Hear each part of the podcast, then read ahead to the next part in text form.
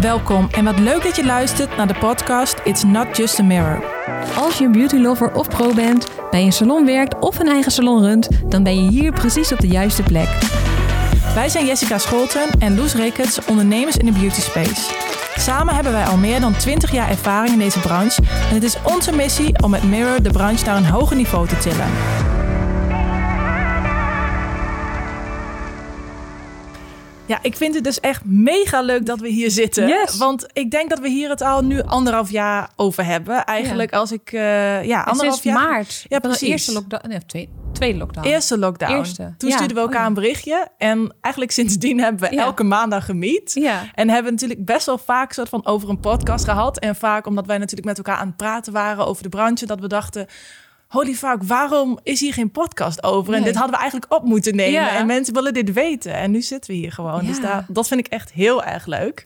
Ehm, ja, ik weet natuurlijk wie jij bent. Maar Ja. voor de mensen die misschien nog niet weten wie we zijn... eh, is het misschien leuk om, om eh, onszelf even voor te stellen. Misschien wil jij eh, beginnen. Wie ben jij? Nou, ik ben Loes Rikkers. Ik ben eh 32 jaar. En ehm, ik zit al mijn halve leven in de beautybranche. Begonnen als salon, dat is een beetje uit de hand gelopen. En nu heb ik een opleidingscentrum en ben ik helemaal gespecialiseerd op salon marketing. En dat doe ik met mijn bedrijf Arch. En ja, weet je, de beautybranche heeft mijn hart gestolen op jonge leeftijd. En ik ben zo dankbaar dat ik hier mijn werk van heb kunnen maken.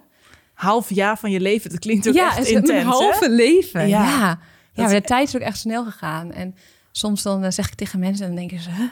Ja, Zo lang al? Ja. Ja. ja, dat heb je natuurlijk ook. Ja. Want Jij bent ook vanaf jongs af aan. Ja, Start. klopt. Ja, ik ben Jessica Scholten dus, 28 jaar. Ehm, en eigenlijk ook op mijn veertiende dus begonnen met het eh, zetten van nagels. En inderdaad ook wat je zegt, dus het is mijn halve leven. Ik heb nog nooit zo over nagedacht, maar het Ja. klinkt echt ziek lang. Ja. Hè? Ehm, maar meestal ook als ik bijvoorbeeld andere mensen aan het trainen ben, dan zeg ik ja, maar het is ook niet eerlijk, want ik doe dit al 14 jaar. Ja. En dan zeggen ze, huh, maar hoe oud ben je dan? Hoe kan dat? maar ja, ja. op mijn veertiende dus begonnen met het zetten van eh, nagels en eigenlijk gewoon nooit meer gestopt. Nee. Eh, ondertussen eh, ehm, de hele wereld over mogen vliegen om nagels te lakken van eh, topmodellen en eh, celebrities. En uiteindelijk drie jaar geleden lakwerk gesta- gestart samen Ja. met eh Saar Koningsbergen. En dat is nu eigenlijk uitgegroeid tot twee nagelsalons en een nail school waar ja, bijna 30 mensen werken. ik had het echt nooit kunnen bedenken toen ik ooit begon met nagels dat dit zeg maar het ding ging worden wat, Nee. ik, ja, wat ik ermee kon doen. En ehm, ik denk mijn hele omgeving eigenlijk ook niet. Want dat Nee. is eh, eigenlijk iets waar we het vandaag een beetje over gaan hebben. Van ja, hoe kan het nou? Of ja, hoe komen wij nou in dit vak terecht? En Ja. hoe moeilijk is het eigenlijk ons gemaakt om, om te kiezen voor iets wat wij eigenlijk zelf super leuk vinden Ja. om te doen. Maar eigenlijk de omgeving best wel een beetje afraden. Ja. Of ja, in ieder geval niet echt motiveerde. Toch? Klopt, nee, zeker. Ja. Nou, ik weet nog dat ik begon. ehm, ik heb al vanaf kinds af aan vond ik. Ik ben begonnen als nagelstyliste. Het lakken van nagels vond ik echt super leuk. maar ik kon ook heel goed studeren. En ik weet nog dat mijn ouders zeiden: Ja, lieve Loes, er is geen geld te verdienen eh, in, de, in de beautybranche. Dus ga maar gewoon een studie kiezen en ga daar gewoon mee aan de slag. En eh, uiteindelijk ben ik ook nog een studie gaan volgen en heb ik daarnaast mijn salon opgezet. Tot op een punt dat op een gegeven moment gewoon echt niet meer ging. Ehm, ja, je kan niet aan twee dingen volle aandacht geven. Dus ik merkte dat ik op school helemaal niks deed. En ondertussen was ik alleen maar klanten aan het behandelen. En dat liep super goed en daar werd ik super blij van. Ja. En toen op een gegeven moment dacht ik, ja, voor wie doe ik dit nou eigenlijk? Ja, gek is dat eigenlijk dan, hè? Dat je soort van ja, toch iets gaat doen omdat je omgeving dat soort van wil, maar Ja. eigenlijk zelf heel goed weet waar Ja. je blij van wordt. Ja. En dat je ook daar eigenlijk in gelooft. Want Ja. je ziet ook letterlijk dat je daar dus geld mee verdient. Ik weet niet hoe het bij jou in het begin was, maar bij mij was dat eh, was het eigenlijk een soort van mijn, bij, mijn bijbaantje waar ik cash geld mee verdiende, wat echt hartstikke veel geld natuurlijk Meer was. dan voor, de, voor Ja, 3 euro bij de Albert Heijn. Ja, en ehm, ja, dus ik dacht, nou, als dit al soort van het begin is, dan, dan kan ik nog veel meer eh, hiermee gaan bereiken. Maar dat andere mensen dat toch niet zo Nee. zien of zo. Of ja, ik weet Heb je vanaf het begin af aan, ehm verdiende jij daar geld mee met je salon? Ehm, nou, als ik letterlijk terugkijk, dan, dan, dan gaf ik veel meer geld uit dan dat er binnenkwam. dus ehm, ik eh, heb toen een opleiding gedaan in Hengelo. En eh, daar ging ik op een gegeven moment ook lesgeven. En mensen die, eh, ja, dat is zeg maar een, een, een, eh, een opleidingsinstituut Ja. en een groothandel. Maar ja, elke keer als ik daar kwam, dan dacht ik, wow, dat is een leuk kleurtje. Die wil ik dat ook, wil ik ja. kopen. Of, of een glitter of een penseel of I don't know wat. Ik moest gewoon een soort van alles hebben. En ja, de mensen die eh, in, de, in deze industrie zitten, of eigenlijk überhaupt in de beauty-industrie, die weten hoe duur eigenlijk alle producten zijn. Mm. Ja, dus dat, dat kostte me meer geld dan dat het opleverde. Maar dat voelde eigenlijk niet zo. En vaak had ik ook wel een soort van ehm, dat ik dacht: oké, ik heb zoveel geld hier nu aan uitgegeven. En ik ga zorgen dat ik dat geld in ieder geval terugverdien. Ja. Voordat ik weer iets nieuws ga kopen. Dus dat deed ik toen wel. Ja. Ehm, en, eh, maar meestal gaf ik wel wat meer eh, geld uit, helemaal in het begin. Ja. Ja. ja, maar het is vooral ook moeilijk als je op een gegeven moment in die fase zit van in die opstartfase, dan doe je nog voor familie en vrienden. Ehm, Ja, dat heb ik dus nooit Nee? gedaan. Nee. Oh, wow. Ja, en dat is heel grappig, want dat is natuurlijk iets wat je heel veel Ja. hoort. Ehm, maar ja, eigenlijk de enige die ik altijd gratis heb gedaan en nog steeds gratis Ja. doe, is mijn moeder. Oh, En de rest betaalt eigenlijk gewoon altijd. En ook vriendinnetjes heb ik echt nooit eh gekopen of iets aangeboden. maar dat is wel fijn als beginfase. Dan heb je die transitie niet zo van dat je start vanuit liefde voor het vak en dat je dan een bedrijf ervan moet Ja. bouwen. Ik had juist die overgang was heel erg moeilijk, want Ja. ik heb heel lang geoefend op familie, vrienden en kennissen en ja, dan begin je gewoon voor een klein bedrag, een soort van materiaalbijdrage. Ja, Maar op een gegeven moment, ja, ik was gestopt met mijn studie, ik moest er gewoon echt geld mee gaan verdienen. En dan wordt het gewoon heel erg lastig om die overgang te maken. ja. En daar heb ik echt heel veel moeite mee gehad. Hoe zorg ik er nou voor dat ik hier geld mee ga verdienen? Ja, grappig. En hoe heb je dat dan uiteindelijk gedaan? Ja, dat was gewoon echt gewoon best wel lastig. Want toen ik, eh, ik dacht van, nou weet je, ga gewoon op. Ik ben gestopt met mijn studie en mijn salon ga ik nog meer promoten. En ik dacht van, nou, zodra ik een bord in de tuin zet, dan komen die klanten wel. Ja, die kwamen dus niet zomaar. Maar hoe, hoe zag jouw situatie zeg maar toen eruit? Want hoe oud was je toen letterlijk? En had je toen een huis, eh, een huur die je moest betalen? Of- Nee, ik zat bij mijn ouders thuis en die hadden een, een zolder. En dat was de speelkamer van mijn zusjes. En op een gegeven moment had ik een plek nodig. En hebben we gewoon achterin een soort doek gehangen. En dat was mijn salon dan. Ja. Echt. Als ik aan terugdenk, denk ik, huh? Ehm, en daar ben ik begonnen. Ehm, ja, en eerst had ik best wel veel klanten die ik deed. Maar ja, kan je dat klanten doen? Want als je, als je een klein bedrag ervoor krijgt... ik verdiende daar niet echt veel aan. Want jij zegt, je wilt alles hebben. En uiteindelijk geef je meer uit aan inkopen dan dat er in, binnenkomt. En op een gegeven moment dacht ik van ja, ik moet. Ik had een soort bewijsdrang. Ik was gestopt met mijn studie. Ik was op mijn zestiende begonnen eh, met mijn salon. En uiteindelijk ehm, gestopt met mijn studie was ik 17, 18. En toen moest ik er geld mee gaan verdienen. Ja, dat was gewoon moeilijk. Ik heb Ja. echt een paar keer gedacht, ik stop ermee. Ik ga dit, dit ga ik niet volhouden. Ik ben gaan adverteren in kranten bij de Albert Heijn, briefjes ophangen. Daar kwamen dan enkeling op af. En ik had als bijbaantje op mijn dertiende deed ik folders rondbrengen. Toen dacht ik nog, ik ga gewoon weer die folders rondbrengen, maar dan voor mezelf. Oh ja, ja. En dan had ik echt de hele dag folders rondgebracht. En dacht ik, nou, nu komen die klanten wel. Ja. En dan kwam er één iemand en dacht ik, ja, Hoe kan dit nou? hoe Ja. kan dit? Waarom snap ik dit dan niet? Ja, En uiteindelijk dacht ik van ja, ik kan wel gewoon goed studeren. Dus ik dacht, ja, ik ga gewoon een marketingopleiding volgen. Nou, als je een marketingopleiding maar volgt. eigenlijk deed je dus al dingen die ervoor zouden kunnen bijdragen dat je klantenbestand eh op... Maar dat werkte gewoon niet. Ja. En maar hoe kan het dan dat dat niet werkte? Ehm, ik denk dat ik vooral gewoon niet wist hoe ik mezelf moest verkopen. Dus daarin heel erg onzeker was. En tijdens de mark- marketingopleiding leerde ik heel erg dat je gericht een doelgroep moet kiezen. Een bepaalde specialisatie. Ehm, nou, ik leerde technieken. Nou, ja, nu kan je het niet voorstellen, maar het internet was toen nog niet zo. Het was, je stond in een telefoonboek met je salon. Dat was het ding. Ja, van Marktplaats. Ja, of een marktplaats. Maar het was een website, was zo niet echt normaal. Dus op een gegeven moment heb ik geleerd, ik heb mezelf aangeleerd, hoe kan je een website maken? Hoe kan je vindbaar worden in Google? En toen ging het steeds beter lopen. Ja, en toen was het opeens gekkenhuis. ja, had mijn grappig. salon mega vol. En toen kreeg ik een bepaalde bekendheid. En toen eh, kwam het merk waar ik eh, mee werkte voor Jongnails. Die zocht een docent. Ben ik gevraagd om docent te worden. Ja, en toen is het balletje heel hard gaan rollen. Ja, ja. En eh, ja, toen is mijn, mijn carrière echt helemaal Maar het is wel... veldrijvaart gegaan. Ja, het is wel heel grappig, want ik denk dat dat ook wel best wel een verschil is tussen ons. ehm, als ik kijk in hoe dat dan zeg maar gelopen is. Ja. Ehm, want ik weet niet wat voor nagels jij op dat moment zette. Ik denk gewoon French manicures. Ja, French en heel veel nail art. Oh, wel nail ja, art, ik was wel op nail art, maar dan ja, het is echt een beetje die barokstijl. Ja, Die ja. was toen echt toch wel in. En ik heb een keer, heb jij op Instagram zo'n doos met nagels gedeeld. Ja, En toen dacht ik, oh wow, die prins, die heb ik ook gewoon. Ja, die tijd is echt van die tijd. Ja, grappig. Ja, want, want ehm, het is wel grappig wat jij zegt. Want als ik kijk naar toen ik zeg maar begonnen ben, wat eigenlijk heel erg overeenkomt met jou qua leeftijd ook, maar ook dat was ook op de hobbyzolder van mijn ouders, Ja. waarbij je inderdaad een soort van afscheidingsnet Ja. hing en een soort van was die ik dan snel van de ene kant naar de andere kant moest brengen, omdat anders al het was van de hele familie soort van in die kamer stond. Ehm, maar als ik kijk, zeg maar, eh, qua opbouw, eh, qua klanten, ging dat bij mij dus echt heel erg vanzelf. Dus dat stukje wat, wat jij eigenlijk soort van daarin gemist hebt, Ja. eh, ging bij mij vanzelf heel Maar hoe kan raar. dat? Ja, dat zit ik dus nu eigenlijk over na te denken. Ten eerste, er zijn denk ik een paar dingetjes. Want ik dacht dus misschien als jij alleen bijvoorbeeld de simpele nagels deed. Ja. Eh, ik deed echt vanaf het begin af aan nail art. Dus inderdaad wel wat je zegt. Dat waren echt eh, de barok dingen en de Ja. bloemetjes en dat soort dingen. Maar dat is dus tien jaar, of ja, veertien jaar geleden in Losser. ja. En dat is een mega klein dorpje bij Enschede in de buurt. Dus dat, daarin was ik natuurlijk super onderscheidend. ja.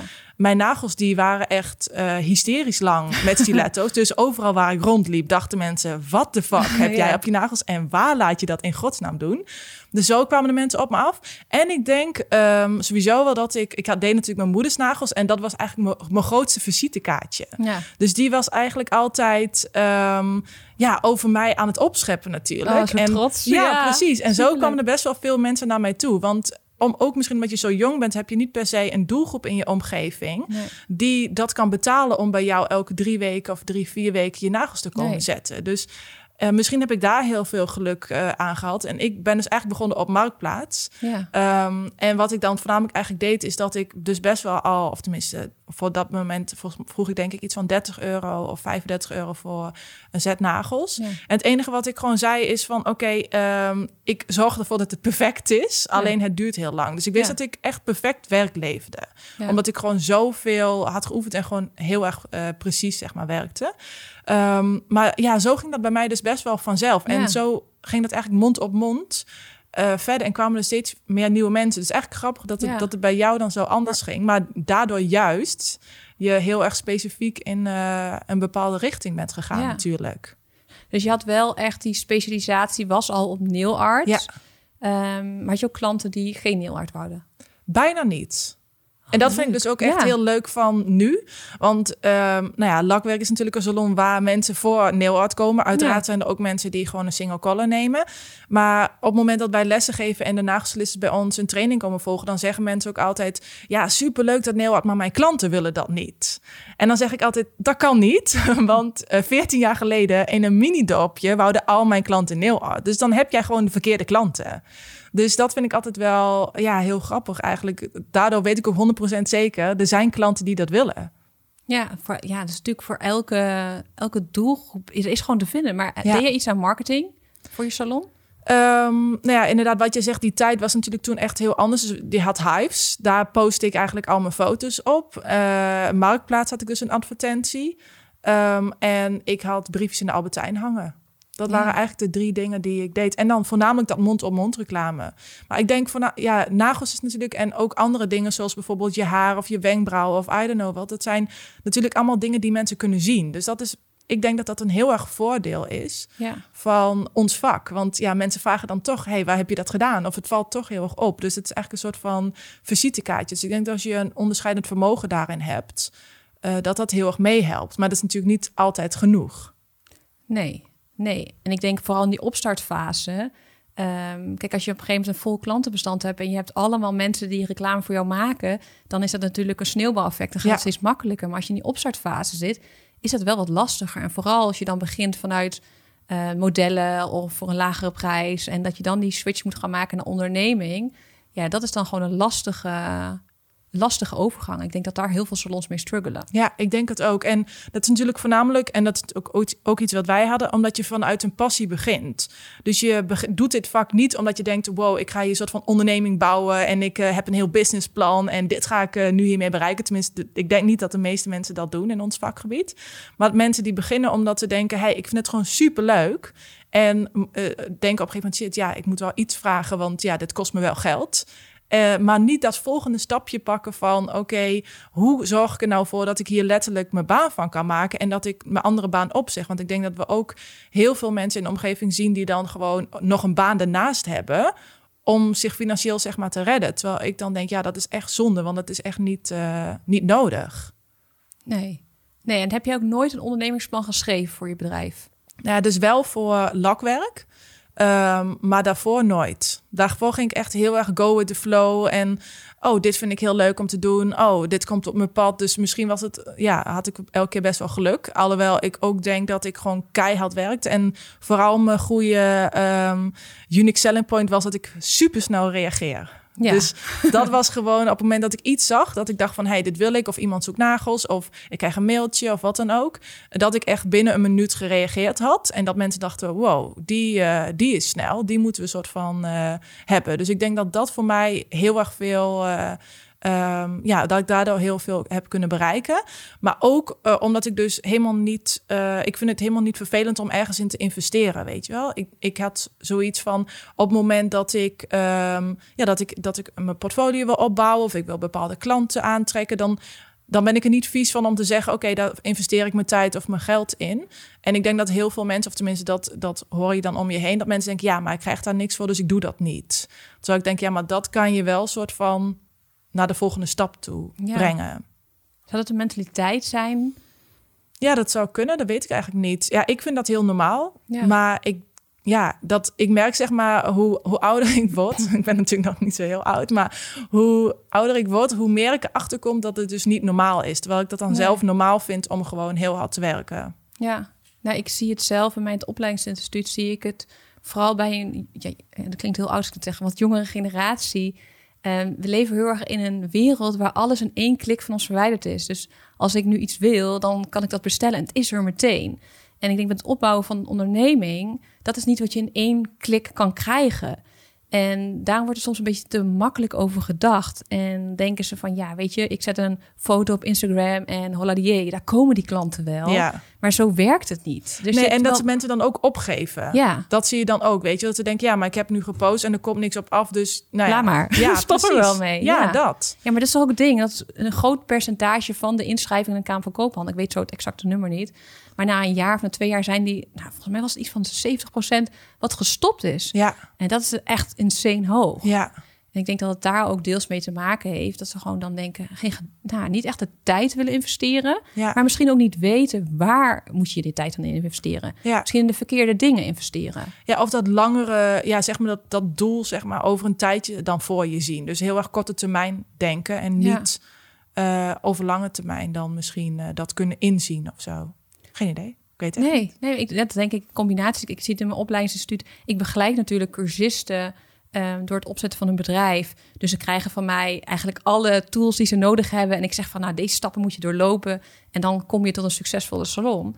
Um, maar in die beginfase laat ik ze bewust er ook wel een beetje in los. Omdat ik ook vind dat het Oké, okay, ga ik het zeggen? Ja. Dat het niet, je moet daar wel wat voor doen, zeg maar. Je moet er wel een bepaalde effort voor geven om iets te bereiken. En ik denk dat je, dat je, wat jij zegt ook over dat investeren. Je bent niet vies van investeren. En ik denk dat je die pijn van die investering wel moet voelen. En ik zie dan terug dat, um, ik weet bijvoorbeeld in mijn opleidingsinstituut weet ik dat mensen of ze de opleiding zelf betalen of dat ze die betaald krijgen door iemand anders. En wat ik dan zie als ze het niet zelf betaald hebben, dat vaak de, dat, de, dat ze minder drive hebben? Ja, minder drive hebben. Dat is het goede woord. Minder drive hebben, omdat ze die pijn niet hebben gevoeld. Ja, misschien lijkt het natuurlijk ook zo op het moment dat je um, andere salons ziet, eh, of succesvolle salons of wat dan ook, dat je dan denkt van, um, oh, die hebben dat gewoon zo bereikt. En dat is natuurlijk ook natuurlijk nu met Instagram of social media, dat je niet ziet wat er allemaal aan vooraf ging. Ik weet nog dat ik bijvoorbeeld een keer op een show was en uh, dat ik tot één uur s'nachts moest wachten welke kleur ze op de nagels wouden. En dat ik de volgende dag om vier uur daar dan moest zijn. Weet je wel, dat, ja, dat, dat gebeurde gewoon. Maar dat is niet iets wat je natuurlijk ziet. Maar dat is wel hoe zo'n show gaat. En uiteindelijk zie je dan alleen maar dat de topmodellen gelakt zijn. En beseft niemand eigenlijk wat daar eigenlijk bij komt kijken allemaal. En ja, dat het gewoon dan gewoon geen slapen is of zo. Um, dus dat, dat denk ik dat dat misschien ook een beetje uh, daarin meespeelt. Nee, en we vergelijken onszelf natuurlijk heel erg aan de buitenkant van een ander. Dus nu met deze online wereld waar we nu leven, dat we we zien alleen maar de hoogtepunten van iemand. eh, terwijl dat niet de realiteit is. Nee. Weet je, je gaat, Maar je dat- gaat niet alles posten. Tenminste, de meesten die posten niet alleen maar... Die posten alleen maar als het goed gaat. Ja. En als het minder gaat, ja, dan laten ze niks van zich weten. Maar misschien wel leuk om, om dan te weten wat er bij ons gewoon lekker fout is gegaan. Ja. Vooral bij, eh, eh, bij eh, het begin, zeg maar, toen we, ehm, nou ja, toen we ons, ons bedrijf eigenlijk op gingen zetten. Ehm, ik weet nog heel goed dat eh Sarah en ik langs gingen bij pandjes en dat wij zeiden, ja, we gaan hier een eh, nagelsalon openen. En, en dan hadden we zelf al bedacht, oké, we moeten het geen nagelsalon noemen, want ja, dan gaan ze gelijk nee zeggen. Dus we hadden het al Nail Art Concept Salon genoemd. Maar alsnog was het echt zo van, nee, ik wil geen nagelsalon in dit pand. Weet je wel, dat je echt denkt van, hè? Maar je, je hebt helemaal, eh, hoe- waar, waar baseer je zeg maar dit op dat je dat niet wilt? Ehm, en dat is dan gewoon een soort van vooroordeel wat er dan is over, over een nagelsalon. Ja, wat voor vooroordelen zijn er dan? Nou, ik, jou? ik denk op dat gebied, zeg maar, heel erg was het natuurlijk zo van... oké, ik wil geen eh, salon waar een soort van eh, TL-buizen eh hangen. Een witwas, witwaspraktijken, heel erg. Ja, dat hebben wij nu, nu zelfs ook dat wij een, een rekening weer willen openen... en dat de bank gewoon zegt van... ja, nagelsalons valt in een soort van categorie... waarbij heel veel witwassen, eh, witwaspraktijken zijn. Dus je moet door een hele ballotage heen om soort van een rekening überhaupt te openen. Terwijl wij al best wel veel rekeningen daar hebben lopen. Dus dat is ook dat je denkt van, weird raar. nou weer. Ja. Uh, maar ook bijvoorbeeld uh, de geur die, um, die veel nagelsalons uh, hebben. Wat wij bijvoorbeeld niet hebben bij ons.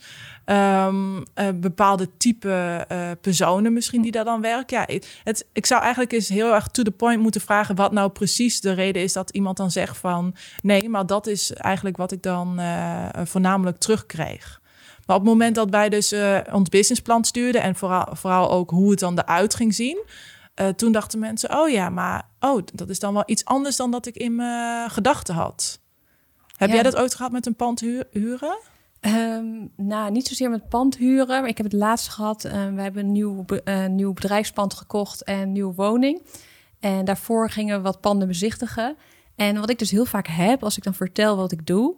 Um, ik heb nu dan geen salon meer uh, met een opleidingsinstituut. Maar toch horen mensen het dan schijnbaar niet dat ik dat dan vertel. Ik krijg meteen een stempel op van, oh, oké. Dus wij waren een bezichtiging aan het doen van het huis. En die man vroeg, oh, wat doen jullie dan? Dus mijn man vertelde wat ik deed en ik vertelde wat ik, deed. En in één keer, dat gesprek sloeg gewoon helemaal om. Die, hij, eerst was die makelaar vet enthousiast. En in één keer was oh, oké. En toen werd een beetje stil. En toen ging het een beetje afkappen. Dus ik op een gegeven moment ook zei van... maar wat is er dan nu aan de hand? En mijn man, ja, die is dan helemaal... die is dan gescheiden aan. Die zei ook van... Uh, Hallo, uh, ik weet niet hoor meneer, maar het meneer makelaar. Maar mijn vrouw verdient waarschijnlijk meer geld dan u. en toen denk ik, oh mijn god, dat kan je echt niet zeggen. Nee. Maar daar word je soms een beetje kwaad om. En het gaat ook niet om hoeveel geld iemand verdient. Maar het gaat er gewoon om dat mensen dus een bepaald beeld daarvan hebben. Um, ik merk het ook op verjaardagen. Dat, um, dat mensen dan zeggen, oh en um, toen ik nog salon van... ja, hoe is het dan met je, hoe is het met je bedrijfje? Of hoe is het met je salonnetje? Dat ik echt denk, denk waarom moet je dat op zo'n manier zeggen? Er zit echt zo'n zo'n denigrerende toon in. Ja. ja, ik vind het altijd een soort van wel lekker om in een soort van in die underdog position te zitten. Want dan denk ik, ja, weet je, denk maar wat je over Ja. me denkt. En ik doe zelf wel wat waar ik zin in heb. Maar ik denk dat dit hele gedeelte waar we het dan nu over hebben, ook dan te maken heeft, zeg maar, toen we begonnen, dat dat ook heel erg dus in de gedachten speelt van ja, je omgeving dan dat je, ehm, ja, als je daarmee wilt beginnen, dat die dat dus ook denken. En ik weet ook nog heel goed toen ik zeg maar begon, dan liet ik ook altijd mijn nagels bij andere mensen doen. En eh, dan zei ik ook, ja, ik ben een opleiding aan het doen en ik ben helemaal soort van enthousiast. En dan zeiden, dan zeiden zelf die salons tegen mij van, ja, weet je, maar als jij kan studeren, dan kan je beter iets gaan studeren, hoor. Want uh, ja, dit... Uh... Hier kan je geen geld mee ja, en dat vind ik dan, ja, en dat vind ik dan echt bizar, want dan denk ik, wow, dan, dan was het, dat is dus wel echt zonde. Ja, dat is Want- gewoon echt een probleem. Dus Ja, en ik denk als wij naar kijken naar de mensen die bij ons natuurlijk de opleidingen doen, dat wij echt zoiets hebben van go for it. Want zeker is hier een hele markt voor. En juist als je out of the box denkt, eh, is er gewoon superveel mogelijk. En ehm, eh, kan je juist eens gebruik maken van die underdog position. Dat Ja. je zoiets hebt van ja, mensen die denken dat wij eh, ja, niks kunnen of dat het, dat het niet te veel waard is. Eh, maar dat, dat is helemaal niet zo. Dus dat vind Nee. ik altijd juist wel leuk om een beetje soort van daar dan in te rebelleren. eigenlijk. ja, lekker je kont Ja. de krip gooien. Ja, nee, maar ik heb soms ook nog dat ik, dat ik tegen mijn cursisten zeg van... Ik, jullie moeten echt wakker worden Ja. voor het feit hoe makkelijk je eigenlijk op een snelle manier geld kan verdienen met een eigen bedrijf. Ik bedoel, noem een bedrijf op waar je met zo'n kleine investering ehm, Ja. ja. er gewoon een salaris uit kan halen. Kijk, bij heel veel bedrijven moet je natuurlijk grote inkoop doen. En natuurlijk moet je voor een salon ook altijd dingen inkopen of opleidingen doen. Maar het is beperkt voor Ja. een bedrijf starten. En ehm, als je echt gewoon een jaar vol effort ergens aan werkt, ja, dan, dan kan volgend jaar je leven er een keer anders uitzien. Ja, dan kan je. Ja, en ik zeg altijd: oké, ik, ik doe gewoon de hele dag dingen die ik leuk vind. Eh, ik kan eruit zien hoe ik wil. Eh, niemand gaat zeggen wat ik moet doen.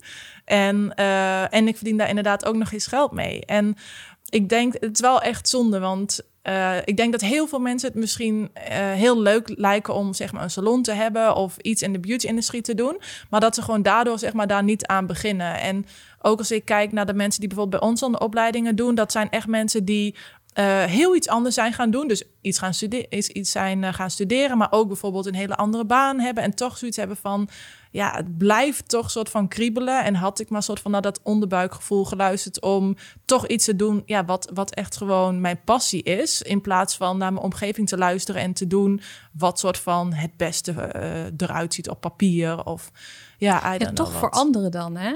En Ja. het is eigenlijk insane, want als je kijkt hoeveel tijd van ons leven we spenderen op ons werk, Ja, ehm, waarom zou je dan iets gaan doen wat je eigenlijk niet zo leuk vindt? En weet je, als ik vakantie heb gehad, ik kan niet wachten tot ik weer aan het werk Ja. kan. ja, precies. Ja, ik vind dat dan heel normaal. Maar Als ik soms met vriendinnen praat, dan denk ik echt, oh, wow, jullie hebben dat gewoon niet. Die zitten echt de, de, de tijd af te Ja. tellen tot vijf uur zijn weer naar huis kunnen gaan. Ja, dat is een hele andere manier van werken. Het is gewoon zo zonde als je die passie niet achtervolgt. Ja, ja, zeker. Ja, dat vind ik ook echt. Maar als, ook als je dan kijkt naar. ehm, eh, eh, we hebben het natuurlijk best wel vaak over, over eh, wat je dan zou kunnen verdienen, zeg maar, als salon zijnde.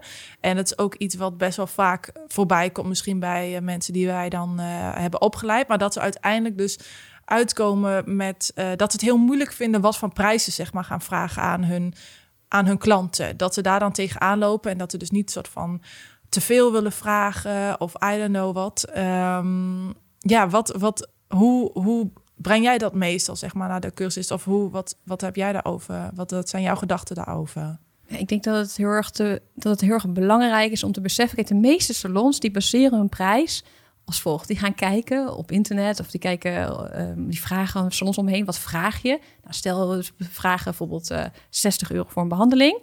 Dan is hun gedachte, oké, iemand vraagt 60 euro. Dan moet ik, ben net begonnen, dan vraag ik 50 euro, want ik begin net. Terwijl je weet helemaal niet waar die persoon van 60 euro zijn of haar prijs op heeft gebaseerd. En een prijs baseren doe je niet op even kijken wat andere mensen vragen. Dat is voor elk bedrijf individueel. We weten niet wat je kosten zijn, we weten niet wat je inkopen zijn. En uiteindelijk ook wat je zelf wil gaan verdienen. En ik denk dat het belangrijk is om een prijs te bepalen op feiten in plaats van op een beetje Aannames ja, eigenlijk. aannames. Dat is toch dat kan niet. Ook, zo run je niet een onderneming. Nou, ik denk dat dat dus een beetje ehm, uit angst komt. Dus dat Ja. mensen dus bang zijn inderdaad ten eerste dat er misschien dan geen klanten komen of dat ze niet goed genoeg zijn. En ik denk dat het sowieso heel moeilijk is, tenminste dat heb ik zelf ook zo ervaren, dat eh, om letterlijk geld te vragen voor iets wat je zelf zeg maar doet tegenover die andere persoon. Dat je, eh, dat je, eh, ja, dat je dan klaar bent en dat je denkt, oh, dit was soort van mijn tijd. En wat vraag ik nou voor, voor die tijd eigenlijk? En dat is eigenlijk iets, iets Dus raars. Dat wat je is dat- je eigen tijd dan ja, wat- waard? precies dat. Ja. En dat eh, vind ik dan eigenlijk dat je laat zien met een bepaald eh, bedrag wat je vraagt. Als dat dus heel laag is, dan schat je jezelf dus eigenlijk eh, ja, niet zo hoog in. Of dan vind je je tijd dus niet zo veel waard. Ja, en ik denk dat het ook komt uit een soort angst voor concurrentie. Ja, Dat er dus al zoveel andere salons zijn, dus waarom zouden ze dan bij mij meer gaan betalen? ja maar dat is dus ook die angst. dan ja, weer uit die angst en een stukje onzekerheid, denk ik ook. Ehm, terwijl het gek is, hè, want waar zit de meeste concurrentie op? Op die gemiddelde prijs. Want iedereen vraagt de gemiddelde prijs. Dus als jij een afwijkende prijs vraagt, dus zeg een prijs die vele malen hoger is, daar is veel minder concurrentie op. Ja, Eh, dus dan vind ik het als fascinerend vanuit mijn marketing inzicht. Ik denk van, waarom ga je dan dezelfde prijs vragen? Ja. Dat is toch helemaal niet slim om dat te doen? nee, Nee, ja, je moet natuurlijk echt kijken van oké, welke service bied je aan en wat voor prijs hoort daar letterlijk bij. Maar niet alleen zeg maar wat jij ook zegt, je kan je niet met, vergelijken met iemand anders, want je weet helemaal niet wat van producten diegene heeft, wat van opleiding die heeft gedaan, wat voor ervaring diegene heeft, uh, wat van kwaliteit nagels diegene überhaupt zet, uh, hoe het eruit ziet, uh, wat diegene allemaal erbij krijgt. misschien gaat hij wel een heel psychologisch gesprek eerst van een half uur ervoor. Je kan dat helemaal niet met elkaar vergelijken. Dus ik denk dat je echt uit moet gaan van je eigen kracht. Uh, maar ik weet, tenminste uit mijn eigen ervaring vond ik het altijd wel heel moeilijk om uh, prijzen te bepalen. Nog steeds heb ik soms ook wel zoiets dat ik denk van... oh, ik vind jou heel aardig, je hoeft niet zoveel te betalen of zo, weet je wel. Maar, is, maar dit is, ik denk dat de beautybranche is eigenlijk de enige branche... waar het eigenlijk een soort van normaal is... dat je dus een bepaalde korting moet geven. Want uh, bijvoorbeeld, ik, ik kom al tien jaar bij mijn tandarts... Denk je dat ik daar korting krijg omdat ik tien jaar bij mijn tandarts kom? Dat hij nooit zijn prijs heeft verhoogd? Nou, die gaat elk jaar verhoogt hij zijn prijs hoor. Maar we vinden het dan in de beautybranche dan een soort van normaal van... ja, maar uh, Suzanne die komt al tien jaar bij mij. Dus, dus die, krijgt nu ja, die krijgt nu gratis. Die krijgt Of haar man heeft de baan is zijn baan verloren. Ja, dat vind ik dan zielig. dus die krijgt korting. Ja, er zit heel veel emotionele korting aan. Maar ik denk dat het ook komt door de emotionele connectie... die we met onze klanten Zeker, hebben. ja. Ja, meestal als je natuurlijk eh, een klant hebt, helemaal met Jellock, die om de twee weken bijvoorbeeld komt, ja, die zie je nog vaker dan, dan de meeste vriendinnen, weet je wel. Dus je weet daar ook gewoon dan gewoon superveel van die persoon af. En ik denk dat dat inderdaad is dat je gewoon ja, je zo betrokken voelt bij die persoon, dat op het moment dat je ja, dat er dan iets is of zo. Of dat je dan iemand uh, ja, heel aardig vindt of zo. Dat je dan denkt dat hij minder geld moet betalen. Ja, dus die scheiding tussen werk en privé wordt eigenlijk een beetje vervaagd. Dat, het, ja. dat daardoor die keuze dan moeilijk is. Um, ik, ja, ik denk dat dat heel moeilijk is. Um, en ik denk dat voor soms ook wel belangrijk is om te kijken van... Hey, dat je het even andersom gaat beredeneren ja. bij prijs bepalen. Want op een gegeven moment in mijn salon... en tijdens mijn marketingopleiding leerde ik ook van... ga voor een bepaalde doelgroep. En ik was dus eerst helemaal van een nail art. En toen dacht ik van ja, maar ik wil gewoon meer gaan verdienen. Dus wat ga ik doen? Um, waar kan ik het meeste geld aan verdienen? Dat had ik bedacht van een vrouw van een bepaalde leeftijd, met een goede baan. Maar ja, die wou niet in nagels. Dus ik dacht, ik moet me helemaal gaan specialiseren op gewoon one color. Want daar kan ik gewoon heel veel voor vragen, kost minder tijd. Um, maar hoe ga ik die klant dan aantrekken? En wat ik dan heel veel zie gebeuren is dat um, in je marketing dat je bijvoorbeeld een salon vraagt van... oké, waarom heb je een vlindertje in je logo? En dan zeggen ze, ja, ik hou van vlinders. Ja. Terwijl ik denk, ja, maar jouw logo is niet om dat jij dat mooi moet vinden. Het is om die ideale klant aan te trekken. Dus om vanuit de andere kant te gaan benaderen van... hey, wat is wat ik wil verdienen? Welke klant past erbij en hoe trek ik die klant aan? Ja, echt gewoon van achteruit ja. beredeneren, zeg maar. En berekenen ook. Ja, dus. dus echt daarbij stil te staan. En ik denk dat dat stilstaan gewoon bij heel veel salons niet gebeurt. Dat het gewoon... Ze beginnen ze kijken welke prijs doet een ander en we zien wel. Ja, en dan lopen ze misschien dus ook vast op het moment dat je dus niet genoeg geld daarmee verdient. En denkt dus van, oké, hier valt dus blijkbaar geen geld in te verdienen en ik stop dan dus weer. Ja, net is dus het plafond en meer kan is er niet uit te halen. Terwijl... Ja, wij weten wel beter. wij weten wel beter. Um, ja, kijk, een, onder, een salon runnen is ook gewoon ondernemerskills hebben. En ik denk dat wij allebei daarin um, continu bezig zijn om die skills te verbeteren. En up-to-date te blijven. Natuurlijk. Ja, en voorop te blijven lopen. En dat het niet alleen maar om het vak draait. Want ons vak is maar een klein onderdeel van het runnen van een bedrijf. Ja. Ik leg dat uit dat er verschillende rollen in een bedrijf zijn. Bijvoorbeeld het talent, zo noem ik dan dat, dat wij zijn het talent, die het uitvoerende werk doen. Maar dat is het vervangbare component in een bedrijf. Ja, dat is eigenlijk heel gek, hè? Ja, en het is de laagst betaalde functie in een bedrijf. Er zijn andere functies Um, die veel hoger betaald zijn, maar die wij ook moeten uitvoeren. Moeten een visie bepalen. Um, ja, de marketing. de marketing. Een inkoop. Stukje inkoop, stukje financiën. Um, dat zijn ook allemaal taken die erbij komen. En die worden vaak een beetje op de achterbank geschoven. Omdat dat, ja, ik wil gewoon met mijn vak bezig zijn. Ja. Terwijl het is part of the job. Ik ja. dat hoort erbij. Je kan niet zeggen, dat doe ik niet. Nee, nee, precies. Ja, dat kan wel. Maar dan ben je meer een hobby en geen onderneming. En de vraag is ook, ja, wat wil je zijn? Ja. En welke intentie ga je dit vak in? En ik denk dat de meeste mensen gewoon daar niet over nadenken. En gewoon denken, yo, go with the flow. En, uh... Ja, dus die bewustwording is eigenlijk een soort van stap één. Stap één, ja. Om ervoor te zorgen dat je eigenlijk uiteindelijk een succesvolle salon zou kunnen uh, runnen. Zeker. Ja. En dan alle tools verzamelen van, hey, wat, want toen ik, toen ik begon, ja, ik had geen idee, joh. Nee, maar ik denk ook dat je mag zeggen van... hey, ik weet hier niks van. Ja. En dus een, een, eh, een keuze kunt maken van... oké, ga ik hierin investeren om hier zelf kennis in te vergaren? Of ga ik iemand zoeken die hier wel heel veel verstand van heeft? Ja, er zijn eigenlijk, eh, ik zeg altijd tegen mijn cursisten, er zijn twee manieren voor je bedrijf om je bedrijf te laten groeien. Of je investeert tijd, of je investeert geld. En als jij geen geld hebt, dan moet je tijd investeren. Ja, Meer keuzes zijn er gewoon niet. nee. En ehm, kijk, heel veel salons kunnen vanaf het begin dat je start, heb je natuurlijk, de meeste hebben niet de, de luxe om te zeggen, ik ga alles uitbesteden. nee. Dus dan moet je dat wel zelf gaan leren. Ja. En ehm, En misschien is het dan ook zo dat je dus ehm, de tijd, zeg maar, die je normaal gesproken besteedt aan het doen van klanten, dus inwisselt met eh, ja, het, het besteden van deze tijd aan de rest. dat levert uiteindelijk weer geld op. Ja, precies. Alleen dat is denk ik ook wel lastig op het moment dat je soort van in het werk zit, dat je dan dus denkt van oké, laat ik maar wat minder klanten doen, want dan ga ik uiteindelijk soort van daar meer geld mee verdienen. En misschien ook op het moment dat je dan dus die tijd hebt, dat je dan niet zo goed weet waar je moet beginnen. Ehm, waardoor je dan eigenlijk denkt van ja, nu is het soort van verloren tijd. Want je moet natuurlijk wel die tijd dan op dat moment nuttig gaan besteden. Anders ja. Ja. dan heb heeft het ook geen zin. Om Nee, wat ik dan heel erg zie bij eh, klanten die ik dan begeleid met mijn coaching, is dat ze dan zeggen van ja, maar ik doe al zoveel loes, ik ben al zoveel bezig en het lukt dan niet om mijn bedrijf dan verder te laten groeien. Maar als ik dan kijk waar ze hun tijd aan besteden, dan zijn ze vooral bezig met op Instagram scrollen en te kijken van wat anderen doen.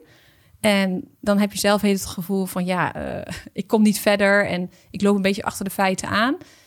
Ehm, en alleen maar bijvoorbeeld een post maken op Instagram. Ja, Dat is niet dat is, dat, is niet, dat is niet een hele solide marketingstrategie. Nee. Dat is een onderdeel van marketing. Ja, en dan, dan denk ik ook weer dat we dan terugkomen op dat stukje van... je moet gewoon zorgen dat je eh, ja, echt best wel een, een lange termijn planning hebt... of doelstelling, waardoor je dus eh, je, dat je dan zegt... oké, dit is het plan en elke dag of elke, elke week ga ik dan daaraan zitten... en ga ik dit zeg maar doen. Waardoor je ervoor zorgt dat je elke keer dichter bij dat goal komt. Inderdaad, want op het moment dat jij natuurlijk gaat zitten met die tijd... en je denkt, oké, ik ga gewoon iets doen... ja, dat is dan natuurlijk niet heel veel... eh, ja, Nee. dat is niet heel handig. Nee, en je wilt er gewoon opstapelen. Dus dat je echt inderdaad je zegt... als ik A heb gedaan, dan ga ik naar B en dan zo verder. Ja. Maar je moet wel weten wat A en B Ja. is. ja, en ik denk ook dat het helemaal niet erg is om in het begin soort van superveel fouten te maken. Ik bedoel, ik heb ook van alles uitgeprobeerd om ervoor te zorgen van oké, dit werkt wel, dit werkt niet.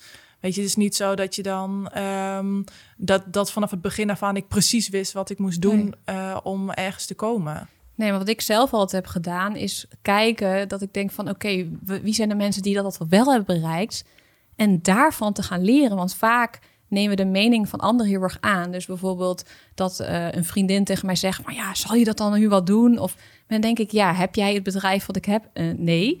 Nee. Eh, dus dat is niet een mening waar ik naar wil luisteren. Dus ik ga kijken van, hey, kan ik opleidingen volgen bij mensen die daar wel zijn of die er wel verstand van hebben, zodat ik mezelf daarin kan gaan trainen. Ja, En dat is denk ik ook het ondernemerschap. Echt de nieuwsgierigheid hebben in wat is er allemaal meer. En daar ook de lol van inzien. Want hoe cool is het dat je gewoon iets kan zoeken en daar helemaal op in kan gaan. ja en, die elke een stapje beter worden. Ja. ja, ja, ik vind dat ook heel leuk. Ik word er altijd, eh, mijn vriend zegt altijd van, je wordt er dan hyped van. Ja, helemaal into. Ja, precies. Dan ben ik even helemaal enthousiast dat soort van iets nieuws gelukt is. Of eh, dat ik iets bereikt heb of wat dan ook. En dan, ik heb dan ook best wel snel dat ik soort van dan weer op zoek ben naar het volgende. Dat ik dan denk van, eh, oké, dit was een hype van, hè, hype van eh, twee minuten. What's next? Weet je wel? En dat is soms ook, zorgt natuurlijk ook wel voor heel veel onrustigheid. Maar dat is ook wel weer die drive om soort van, ehm, ja, dan elke keer verder te gaan. En ik denk wel dat je dat soort van ergens moet voelen. Om, ja, om aan je eh, salon te kunnen bouwen. Ja. ja, dat vuur is inderdaad gewoon heel erg belangrijk. En gewoon kijken van, ja, wat, waar wil ik naartoe? En daar naartoe gaan werken. Ja, en gewoon niet stoppen. Niet stoppen, nooit stoppen. Nee, Nee. gewoon doorgaan. Weet je, ik heb ook echt momenten gehad dat ik dacht van ja, dit gaat gewoon niet werken. Ehm, maar juist op die momenten dacht ik wel van ja, maar wat zijn de andere opties? Ja. Ja, voor mij is het dan ja, toch weer teruggaan naar die studie. Of- ja, en ik denk ja. dat ik heb ook heel vaak gedacht, en dat was ook denk ik iets eh, wat mijn ouders eh, zeiden van, oké, wat is het allerergste wat kan gebeuren? Of tenminste, volgens mij zei ik dit tegen mijn ouders, want mijn ouders die waren helemaal niet van, eh, oh, ga maar lekker ondernemen en zeg maar lekker je baan op. Ehm, wat is het aller, aller, allerergste wat kan gebeuren? Nou, dat is was eigenlijk dat ik eh, mijn huur niet meer kon betalen en terug moest naar mijn ouders. Nou, dat had ik dan niet zo heel leuk gevonden als je in Amsterdam woont en terug naar uh, Lossen moet. Maar ja, dat was het worst case scenario. Dus ik dacht echt, ja, wat, wat heb ik te verliezen? Eigenlijk uh, niet zoveel. Nee. Dus ik denk als je dat in je hoofd houdt van oké, wat, wat is het allerergste wat kan gebeuren en je dat weet, dan moet je er gewoon voor gaan. Ja, en ik denk jezelf ook gewoon een realistische tijdsplanning geven. Dat je niet denkt van binnen een maand moet het staan. Dat heeft wel even tijd nodig om een klantenbestand een bepaalde bekendheid op te bouwen. Ja, zeker. Ja, dat gaat niet van de ene op de andere Nee, dag. en weet je, misschien moet je wel in het begin gewoon een baan erbij zoeken om gewoon wel die financiële stabiliteit te hebben, zodat je daarnaast wel de tijd kan geven om je bedrijf te laten groeien. Ja, ja zeker. Nou, ik denk dat we hier nooit over uit gaan praten. Nee, en daarom is, het ook erg, hè? En daarom is het ook leuk dat we ook gewoon meerdere afleveringen samen gaan maken. Ja. Want ik denk dat we een hele lijst hebben van dingen die we nog moeten behandelen. Ja, en dat we echt, ik denk echt, we hebben gewoon heel erg soort van die missie om andere mensen soort van hierin mee te nemen, weet je wel. Dat, dat we echt gewoon geloven in, in deze beauty-industrie. En dat er natuurlijk niet alleen wij twee, maar nog veel meer andere toffe mensen zijn die echt een inspiratie kunnen zijn uh, voor anderen in deze industrie. En dat als jij uh, zoiets hebt van, ja, dit is gewoon, ik krijg hier ook gewoon een soort van kriebels van en ik wil dit ook gewoon, dat je gewoon echt ervoor moet gaan. Um, en nooit opgeven. En nooit moet opgeven. Nee, maar ik denk dat het, ja, wij, wij raken hier gewoon echt nooit over uitgepraat. Ik merk ook dat ik dan heel enthousiast word en denk, oh ja, en dit en dat. Ja, we kunnen maar door blijven ja, praten. Ja, precies. Nee, maar laten we dat dan uh, voor, vooral doen. En ik denk dat het misschien ook leuk is om gewoon te vragen van, hey, zijn er bepaalde dingen die mensen willen weten van ons? Of juist over de branche willen weten? Of dingen waar, waar je tegenaan loopt? Of eigenlijk vraagtekens bij hebt? Of wat dan ook, dat ze dat uh, ons kunnen laten weten. Zeker, dat is leuk, want dan kunnen we daar weer op inhaken. Ja, precies. En dat we dat gewoon dan uh, in de volgende afleveringen gaan uh, behandelen. Ja, leuk. Ik heb er zin leuk. in. Nou, nou thanks, schat. Ja. leuk. Dit was hem dan alweer voor deze aflevering. Dankjewel voor het luisteren. Is deze aflevering een inspiratie voor je? Of heb je iets gehoord wat je aan het denken heeft gezet? Laat het ons dan vooral weten door een shout-out of een tag op Instagram. Dat vinden we mega leuk om te zien. Tot snel bij een van onze andere afleveringen.